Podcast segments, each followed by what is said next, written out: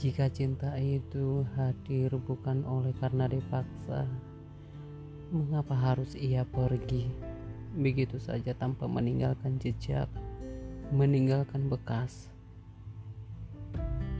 Kenapa ia tidak berdiam diri saja, bertumbuh, berbuah, sehingga akhirnya aku bisa mengenal cinta itu apa? Bagaimana cinta itu bisa hadir? Mengapa